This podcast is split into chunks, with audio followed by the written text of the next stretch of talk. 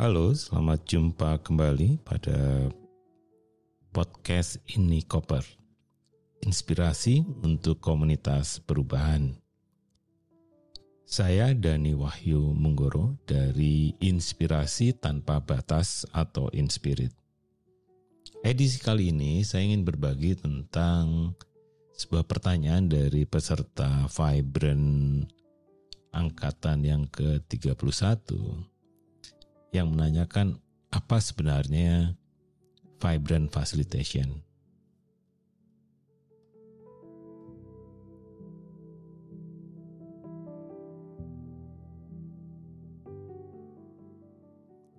Ya ceritanya panjang sebenarnya bahwa pada awal-awal kami di Inspirit mengembangkan apa itu vibrant facilitation sebenarnya kecewa dengan banyak pertemuan yang membosankan.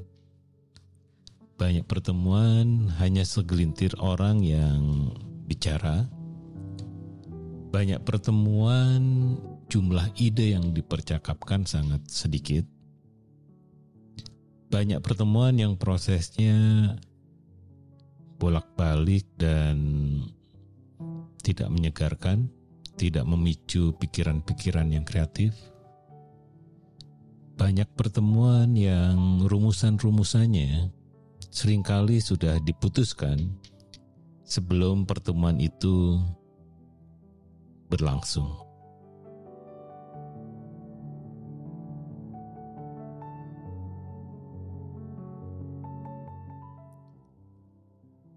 Kemudian kami mencoba sebenarnya belajar dari buku, belajar dari mengamati banyak pertemuan yang seru, kemudian juga belajar bagaimana sebenarnya merancang sebuah pertemuan yang membuat semua orang itu terlibat berpartisipasi penuh pada keseluruhan proses sebuah pertemuan yang mengaksikan.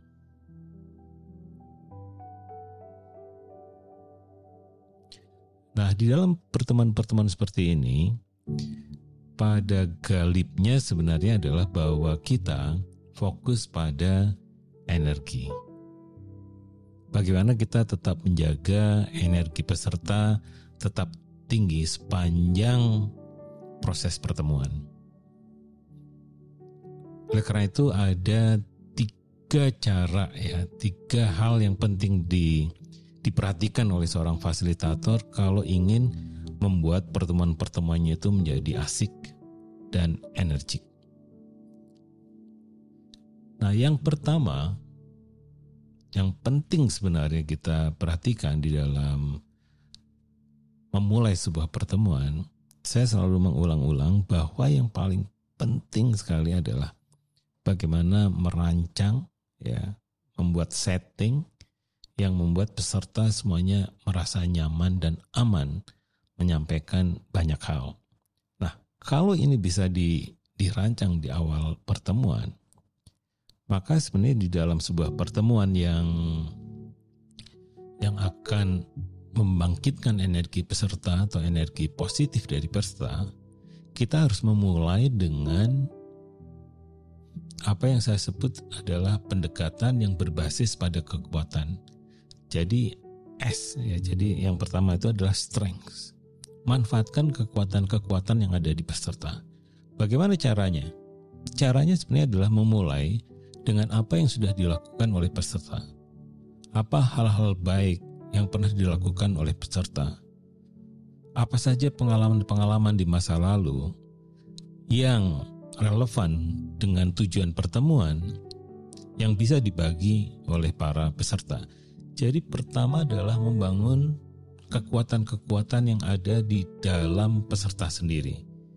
Dan ini harus full participation. Jadi semua orang yang hadir pada pertemuan itu harus menceritakan dulu apa sebenarnya pengalaman-pengalaman yang paling keren yang pernah dilakukan di dalam berkiprah pada tujuan-tujuan pertemuan yang tadi yang akan kita bahas di dalam pertemuan yang sedang dihadiri oleh para peserta.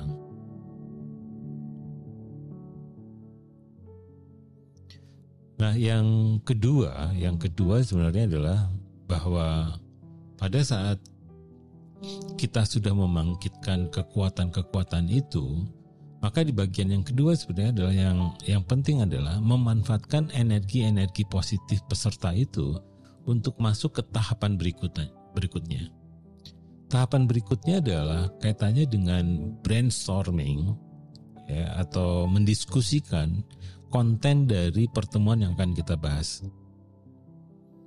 Tetapi akan berbeda energinya karena kita memulai dengan strength tadi. Saat kekuatan-kekuatan itu diceritakan, otomatis ruangan itu, tempat pertemuan itu energinya sudah berubah menjadi energi yang positif. Dengan cara ini, seorang fasilitator bisa memberikan pertanyaan lanjutan untuk tadi memanfaatkan energi-energi positif yang sudah ada di setiap peserta. Nah, caranya sebenarnya adalah dengan meningkatkan lagi energi yang tadi sudah tinggi menjadi sesuatu yang dikaitkan dengan konten percakapan. Nah, di bagian yang ketiga itu ada E. Jadi singkatannya sebenarnya C ya. Strength, energy. Ya, ini dua hal ini membuat semuanya menjadi mudah gitu. Bagi peserta, bagi fasilitator, bagi panitia yang menyelenggarakan pertemuan, bahwa energinya tinggal diarahkan untuk mencari solusi-solusi yang kreatif. Jadi yang ketiga sebenarnya yang akan terjadi di dalam pertemuan yang sudah full energi semacam ini karena otak kiri dan otak kanannya sudah diaktifasi oleh fasilitator, maka di bagian yang terakhir itu akan muncul yang namanya antusiasme atau enthusiasm. Nah, dengan munculnya antusiasme inilah seorang fasilitator mengembalikan dengan cara melakukan reframing kepada apa sebenarnya tujuan-tujuan pertemuan ini. Kebanyakan pertemuan sebenarnya kita ingin mencari solusi-solusi baru, solusi-solusi yang kreatif pada problem yang dibahas atau di apa? dirancang untuk bisa menjawab problem yang akan diatasi. Nah, dengan antusiasme yang tinggi ini, maka sebenarnya tidak ada yang mustahil. Karena kata enthusiasm itu sendiri itu di dalam kamus dituliskan Tuhan di dalam pengertiannya itu. Jadi kadang kalau sudah antusiasme semangat peserta itu muncul, maka di challenge apa pun akan dijawab dengan cepat dan luar biasa. Nah, dengan cara ini ya yang disebut si tadi, strength dibangkitkan, energi diaktifasi, kemudian antusiasme itu digunakan untuk mencari solusi-solusi yang kreatif. Dengan cara ini, maka penyakit-penyakit pertemuan itu bisa dieliminir dan membuat pertemuan-pertemuan itu menjadi sesuatu yang sangat bermakna bagi semua yang hadir pada pertemuan itu.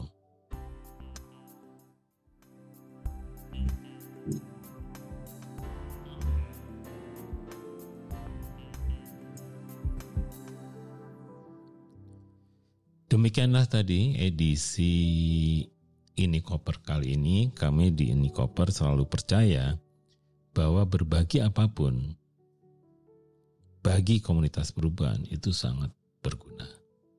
Sampai jumpa pada edisi berikutnya.